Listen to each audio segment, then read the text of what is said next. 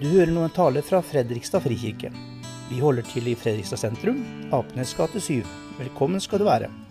Ønsker du mer informasjon, finner du det på fredrikstadfrikirke.no. Vi kan eh, reise oss og høre dagens evangelietekst fra Lukas kapittel 8. Mye folk strømmet til fra byene omkring. En stor mengde hadde samlet seg om ham, og han fortalte dem en lignelse. En såmann gikk ut for å så kornet sitt, og da han sådde, falt noe ved veien. Det ble tråkket ned, og fuglene under himmelen kom og spiste det opp. Noe falt på steingrunn, og det visnet straks det kom opp, fordi det ikke fikk hvete. Noe falt blant tornebusker, og tornebuskene vokste opp sammen med det og kvalte det. Men noe falt i god jord, og det vokste opp og bar frukt, hele hundre ganger det som ble sådd. Da han hadde sagt dette, så ropte han ut, Den som har ører å høre med, hør. Amen.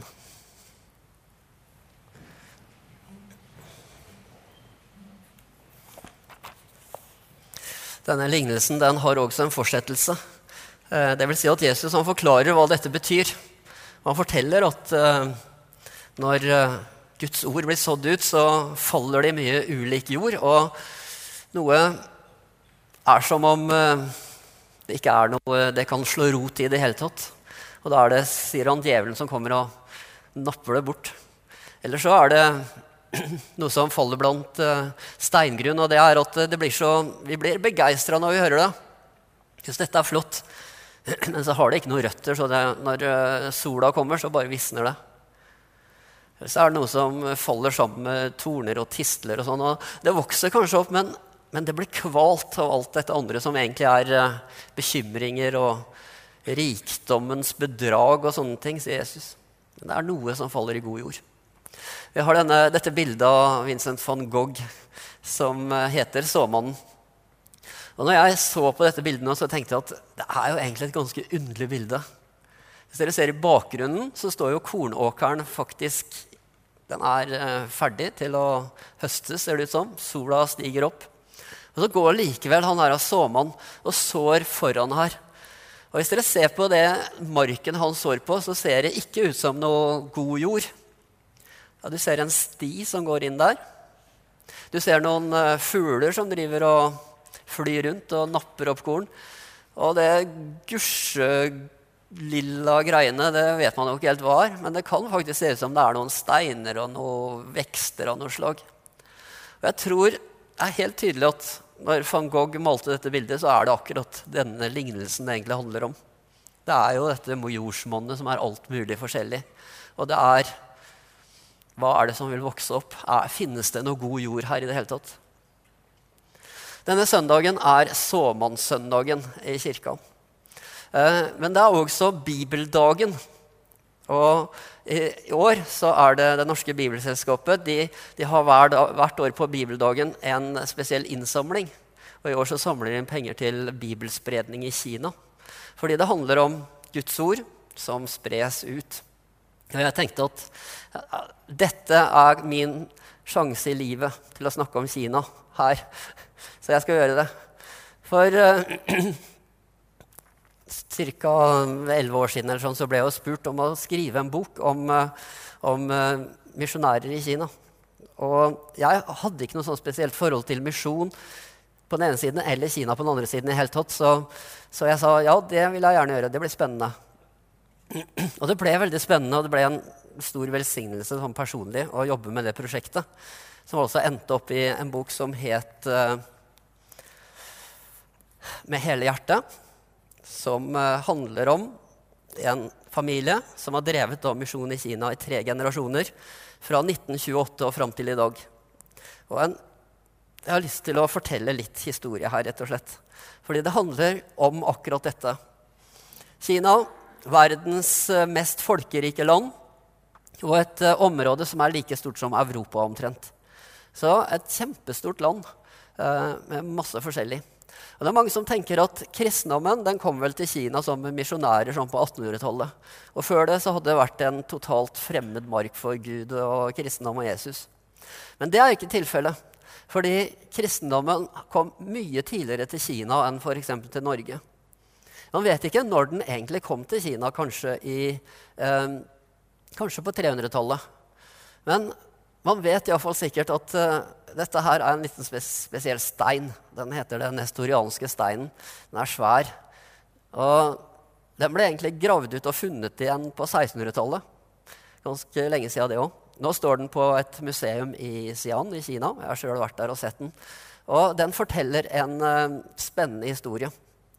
Den forteller historien Hvis man ser på overskriften her, så er det beretningen av, om overleveringen av lysets religion til Kina fra Vesten. Og den forteller kristendommens historie i Kina. Men den ble altså da laget i året 781 etter Kristus. Og den forteller historien om hva som skjedde fra 635 etter Kristus og framover. Så det er en gammel, gammel historie om hvordan misjonærene kom, og spesielt en som heter Alopen, som antagelig kom fra Afghanistan.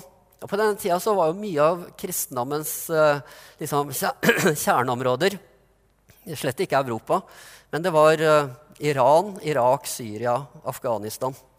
Nå forminner man jo det med andre ting, men da, der var en av de mest misjonerende kirkene som har fantes i kirkens historie, nemlig den nestorianske kirken, som sendte misjonærer hele tiden østover langs Silkeveien og, og hele tiden danna nye kirker. Og i Kina så vet vi at der ble det hundretusenvis av kristne som uh, var uh, en blomstrende kristendom fram til begynnelsen av 900-tallet. Da kom det et nytt keiserdynasti som egentlig ville lokke landet for alt fremmed, og dermed så begynte det en forfølgelse. Og Det er liksom litt Kinas historie. Det er denne vekslingen hele tiden mellom åpenhet og lukkahet. Og, men vi vet når Marco Polo kom til Kina på 1200-tallet, så forteller han om det som skjedde. Og han, han, viser jo til at han, i mange byer så traff han, skriver han, kristne av nestoriansk opprinnelse. Altså de som hadde sine røtter tilbake til dette.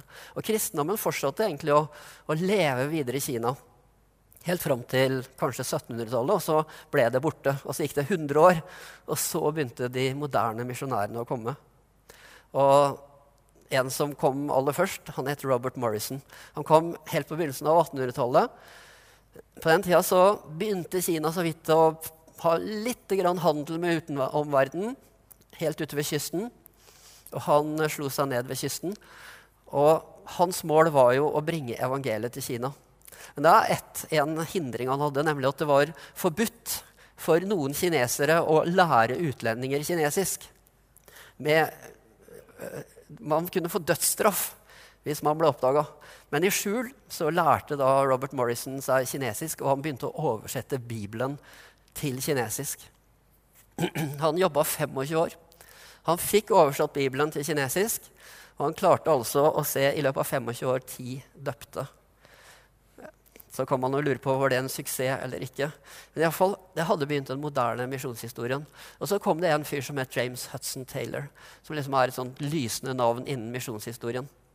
Han kom til Kina i, i 1854, og han stifta noe som het China Inland Mission.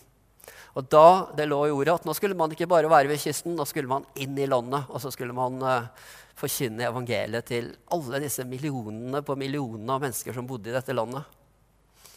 Uh, uh, James Hudson Taylor han tilbrakte til sammen 51 år i Kina. Og dette ble en av de største misjonsorganisasjonene som verden har sett. Den fins ennå, men heter noe annet nå. Jeg husker ikke helt hva, men det er sikkert noen som gjør det. Men det som var spennende med James Hudson Taylor, var at han sa at når våre misjonærer skal inn i Kina, så skal dere det skal bli kinesere, nærmest. Dere skal kle dere som kinesere, dere skal se ut som kinesere, dere skal snakke som kinesere. Dere skal bo og leve som kinesere. For at de skal skjønne at evangeliet det er ikke noe som kommer utenfra, men det er noe som gjelder alle. Det er noe som også er kinesisk. Og de to første norske misjonærene som dro til Kina, Sofie Reuter og Anna Jacobsen, de var eh, 1885, tror jeg det var. De dro i eh, regi av da, China Inland Mission. De var bare 25 år gamle da de dro eh, fra Kristiansand. Sofie var for øvrig født i Sarpsborg av alle steder. Men det kan jo komme noe godt derfra òg. Iallfall så De dro til Kina, to unge jenter, og begynte å misjonere. Og Etter hvert så kom det masse norske misjonærer, men, men, disse var de første. Sofie hun, hun, døde dessverre bare seks år etterpå. Men Anna Jacobsen hun skjedde noe spesielt med, for hun fant seg faktisk en kineser som hun gifta seg med. Og det var, det var forskrekkelig. Det var en skandale på den tida, faktisk. Hun ble kasta ut av China Inland Mission fordi at dette kunne de ikke ha noe av.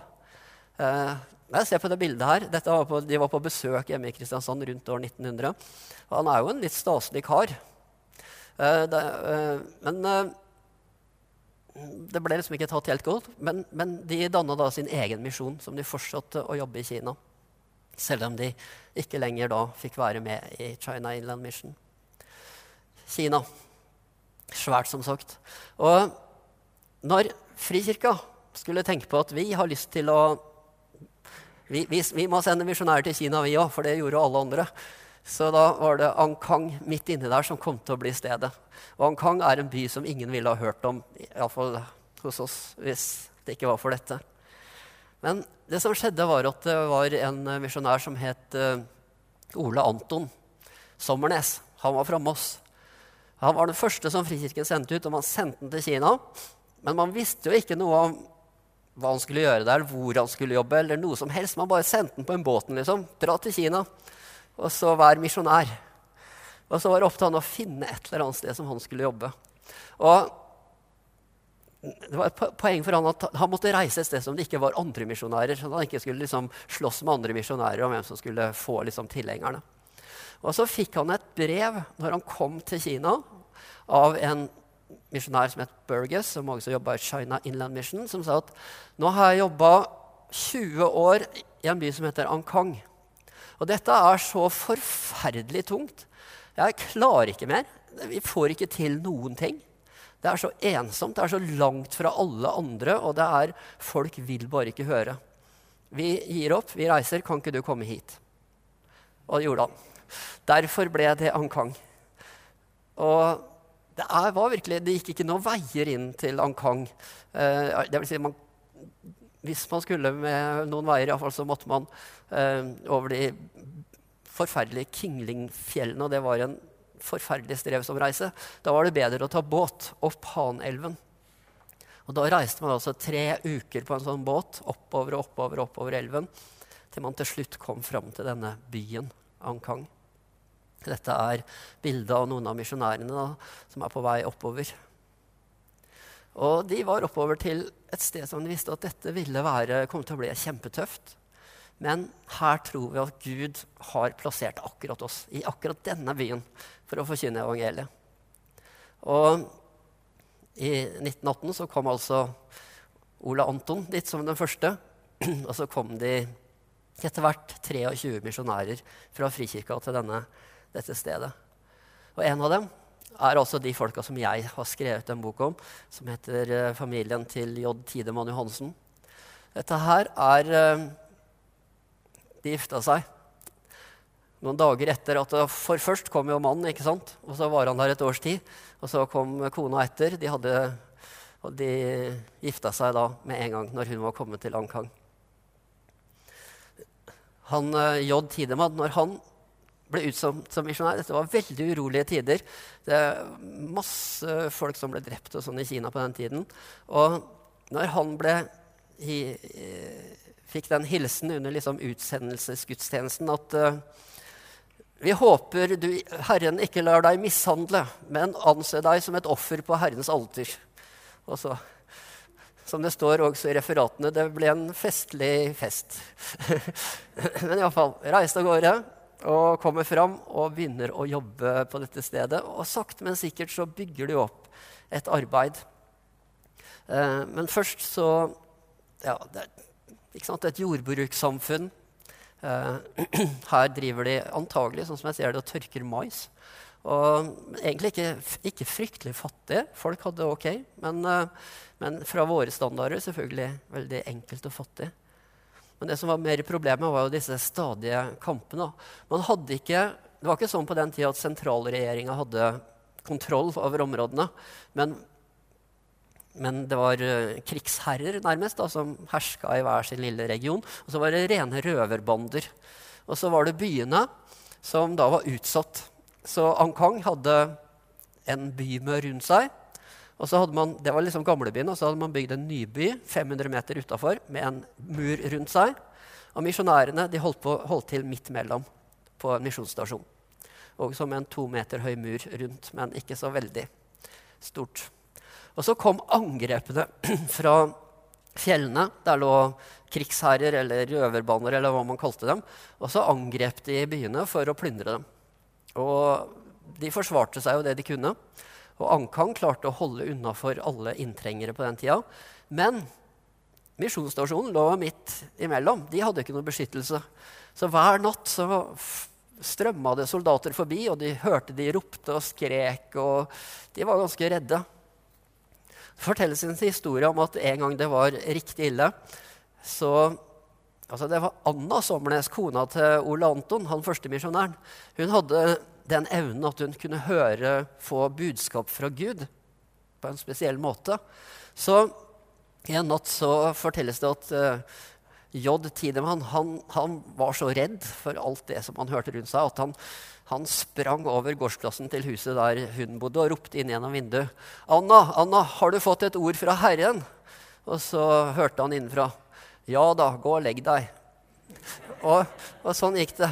Han gikk og la seg, og, og det gikk bra. Det fortelles at En gang så kom disse soldatene over murene. Og Da var det også Anna som hadde gått ut i, i nattserken sin i all sin prakt. Og og gått mot soldatene. Og de hadde blitt så redde at de hadde bare rømt over muren igjen. Og så, altså Misjonærene de så det jo som Guds uh, beskyttelse. Jeg vet ikke, Kanskje disse soldatene trodde de så et spøkelse eller et eller annet farlig noe. Jeg vet ikke. Men iallfall Etter hvert så roa ting seg litt ned. Og de fikk bygd en kirke i den byen. Og som du ser, Denne kirken den hadde jo kirketårn liksom inspirert av det kinesiske. For de ønska å fortelle at vi er en del av kulturen deres. Vi er ikke noen utenfra. Jesus han er en del av livet her. Så ble det sakte bygd opp en menighet, en kirke. Og de drev jo ikke bare kirke, de starta klinikk, etter hvert sykehus, og de starta skole. Så de drev et ganske svært arbeid etter hvert. Men det å være misjonær på den tida det var noe som også krevde ganske store personlige offer. Ikke bare var de langt hjemmefra, men, men uh, her ser vi at uh, dette er da kona til uh, J. J. Tidemann, Margaret, som sitter med, si, med, sitt døde barn i armene. Bjørg Lilly, som døde bare ti uker gammel.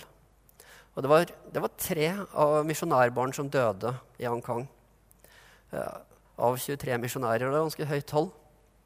Så, og sånn var det for alle, egentlig. De, altså, de var milevis på milevis fra nærmeste ordentlige liksom, sykehus og helsehjelp og sånn i starten der. Og, og, de var på en måte veldig overlatt til uh, hva som kunne skje.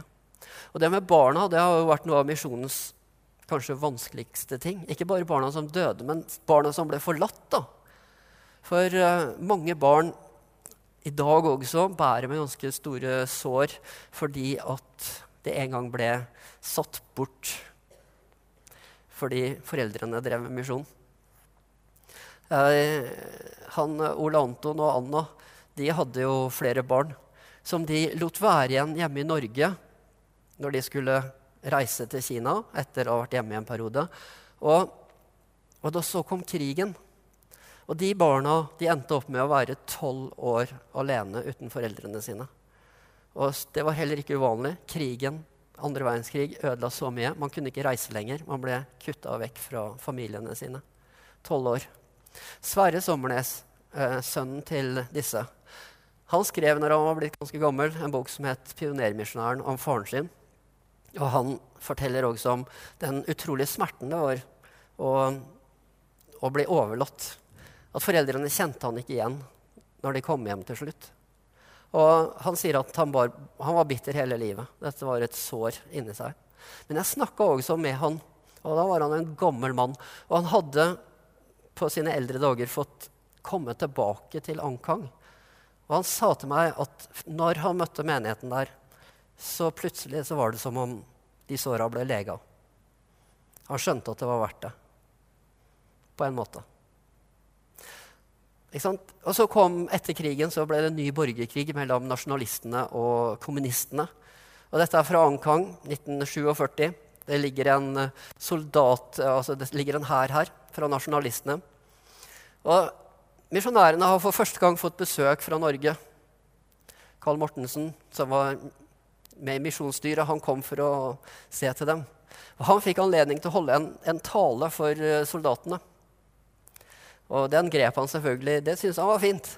Så han fortalte om uh, Norge og krigen og at de hadde mye samme opplevelser og alt mulig. Oversettelsen ble gjort av J. Tidemann, som står til høyre på bildet der. Og han, uh, han snakka jo om helt andre ting. Han fortalte om Jesus.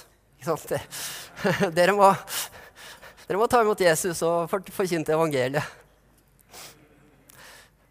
Eh, jeg tror Mortensen aldri oppdaga dette eller visste hva som skjedde. Han skrev en bok etterpå som het eh, 'Kina slik jeg så det'. Og Der forteller han hvor utrolig god kontakt han syns han fikk med, med, soldatene akkurat ved denne anledningen, og at J. Tidemann nok oversatte utmerket. Sønnen hans, Johan, sa til meg at han fortalte at han på kvelden hadde gått til faren sin og sagt 'Pappa, skjønte du ikke hva den mannen sa for noe?' Og da svarte J. Tidemann Johan, en slik anledning lar man ikke gå fra seg. Altså, og dette her er et eksempel på dette her med å så ut. da. At Han syntes at det var så viktig å så ut evangeliet og Guds ord at han kunne ikke la denne mannen fra Norge stå, Norge stå og fortelle om helt uvesentlige ting.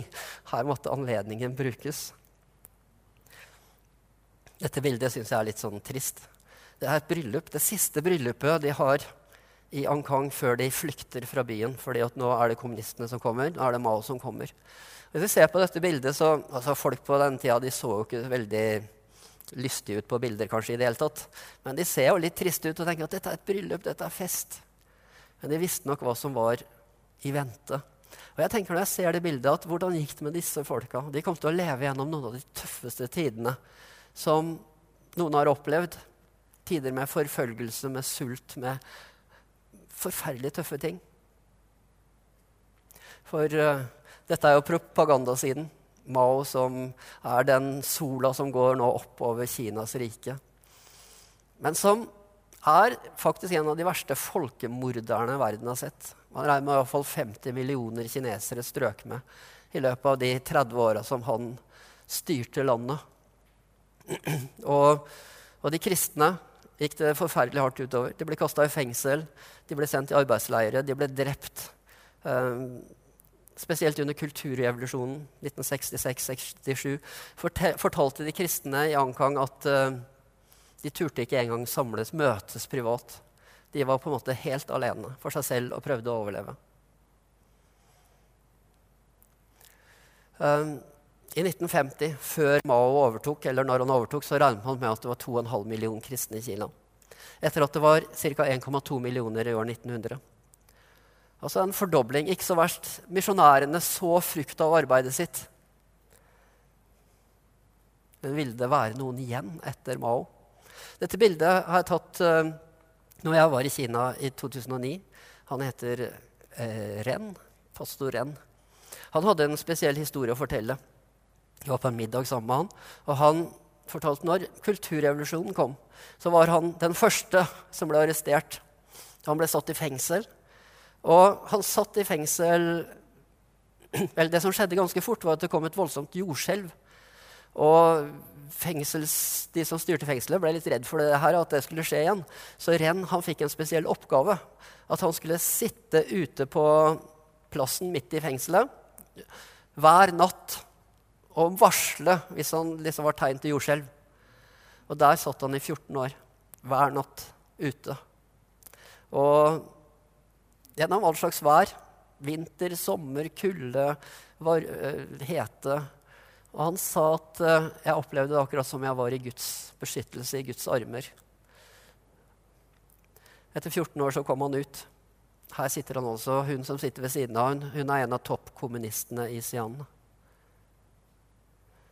For det som skjedde, var jo at når man endelig fikk åpna opp dette landet, og hvis det hadde vært forferdelige forfølgelser, så viste det at det, det, ble, det, var kommet mange flere kristne. Stadig flere kristne. Og I år 2000 så regner man med 50 millioner kristne i Kina. Og en voldsom vekst. I 2015 så regner man med at tallet var 75 millioner kristne i Kina. Disse tallene er litt vanskelig å beregne. Altså, man kan få veldig forskjellige tall. Noen sier at de er veldig mye mer. Det tviler jeg litt på. Men det er fordi at når man prøver å gjøre undersøkelser, så, så vet man at folk er faktisk redd for hva disse ta, uh, tallene kan brukes til. Hvis jeg sier at jeg er kristen, hva vil myndighetene bruke det til? Dette er, uh, var kirken i Ankang første gang jeg kom til, når jeg kom dit i 2009. En falleferdig, gammel uh, fabrikkbygning som de hadde fått låne. Og som de da holdt kirke i. Men det var veldig flott å være der. og de hadde fått en tomt av myndighetene. fordi denne gamle, flotte kirken ble sprengt under kulturrevolusjonen. Så de hadde ikke noe kirke lenger. Men de hadde fått en ny tomt. Bare at det skjedde ingenting der. Det lå en tomt der, men liksom ble bare trenert.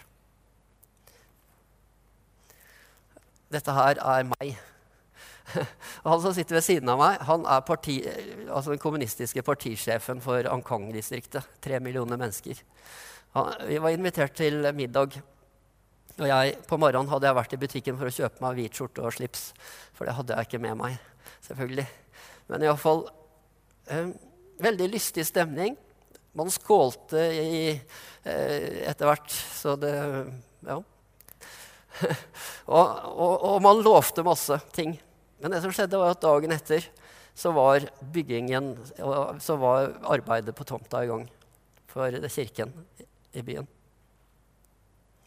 Og to-tre to, år senere så var vi tilbake. Og da var, holdt de på å bygge en kirke der. Der er det Heidi som står, sammen med bl.a. han som var ansvarlig for bygget, og pastoren i menigheten. Og Oi! Hva skjedde? Det var det. Ja, poenget er iallfall Vi prøver å fikse det etterpå. Nå står kirken her ferdig. Og det er masse masse mennesker som blir døpt, og stadig nye som blir kristne. Uh, og så, um, men, men, så skjer det jo nye ting. Og det er sikkert noen av de som har hørt nå at ting har forandra seg i Kina igjen.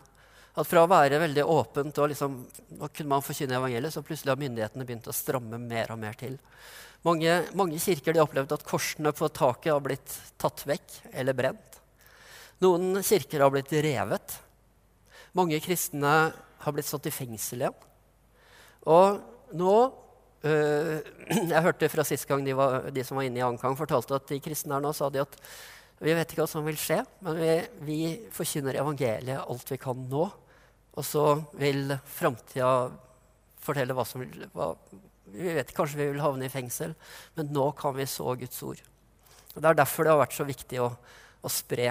Og Derfor kanskje Bibelselskapet nå har denne aksjonen. At nå kan vi ennå spre Guds ord i Kina. Vi kan så ut. Og så tenker jeg tilbake til um, oss igjen.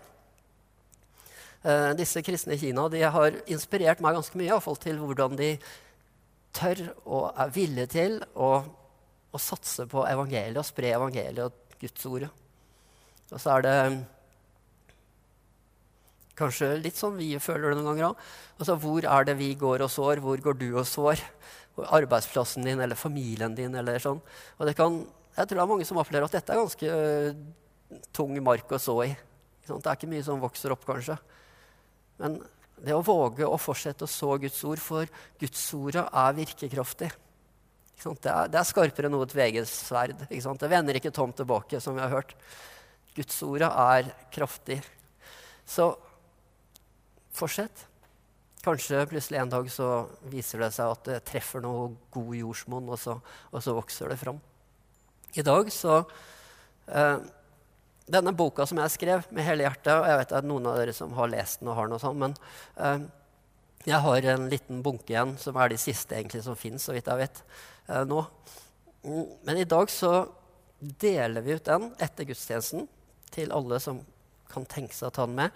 Og inni så ligger brosjyren for bibeldagen og aksjonen for Kina.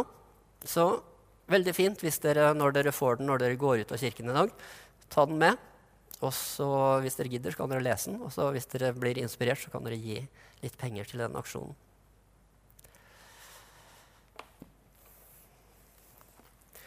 Da skal vi be sammen.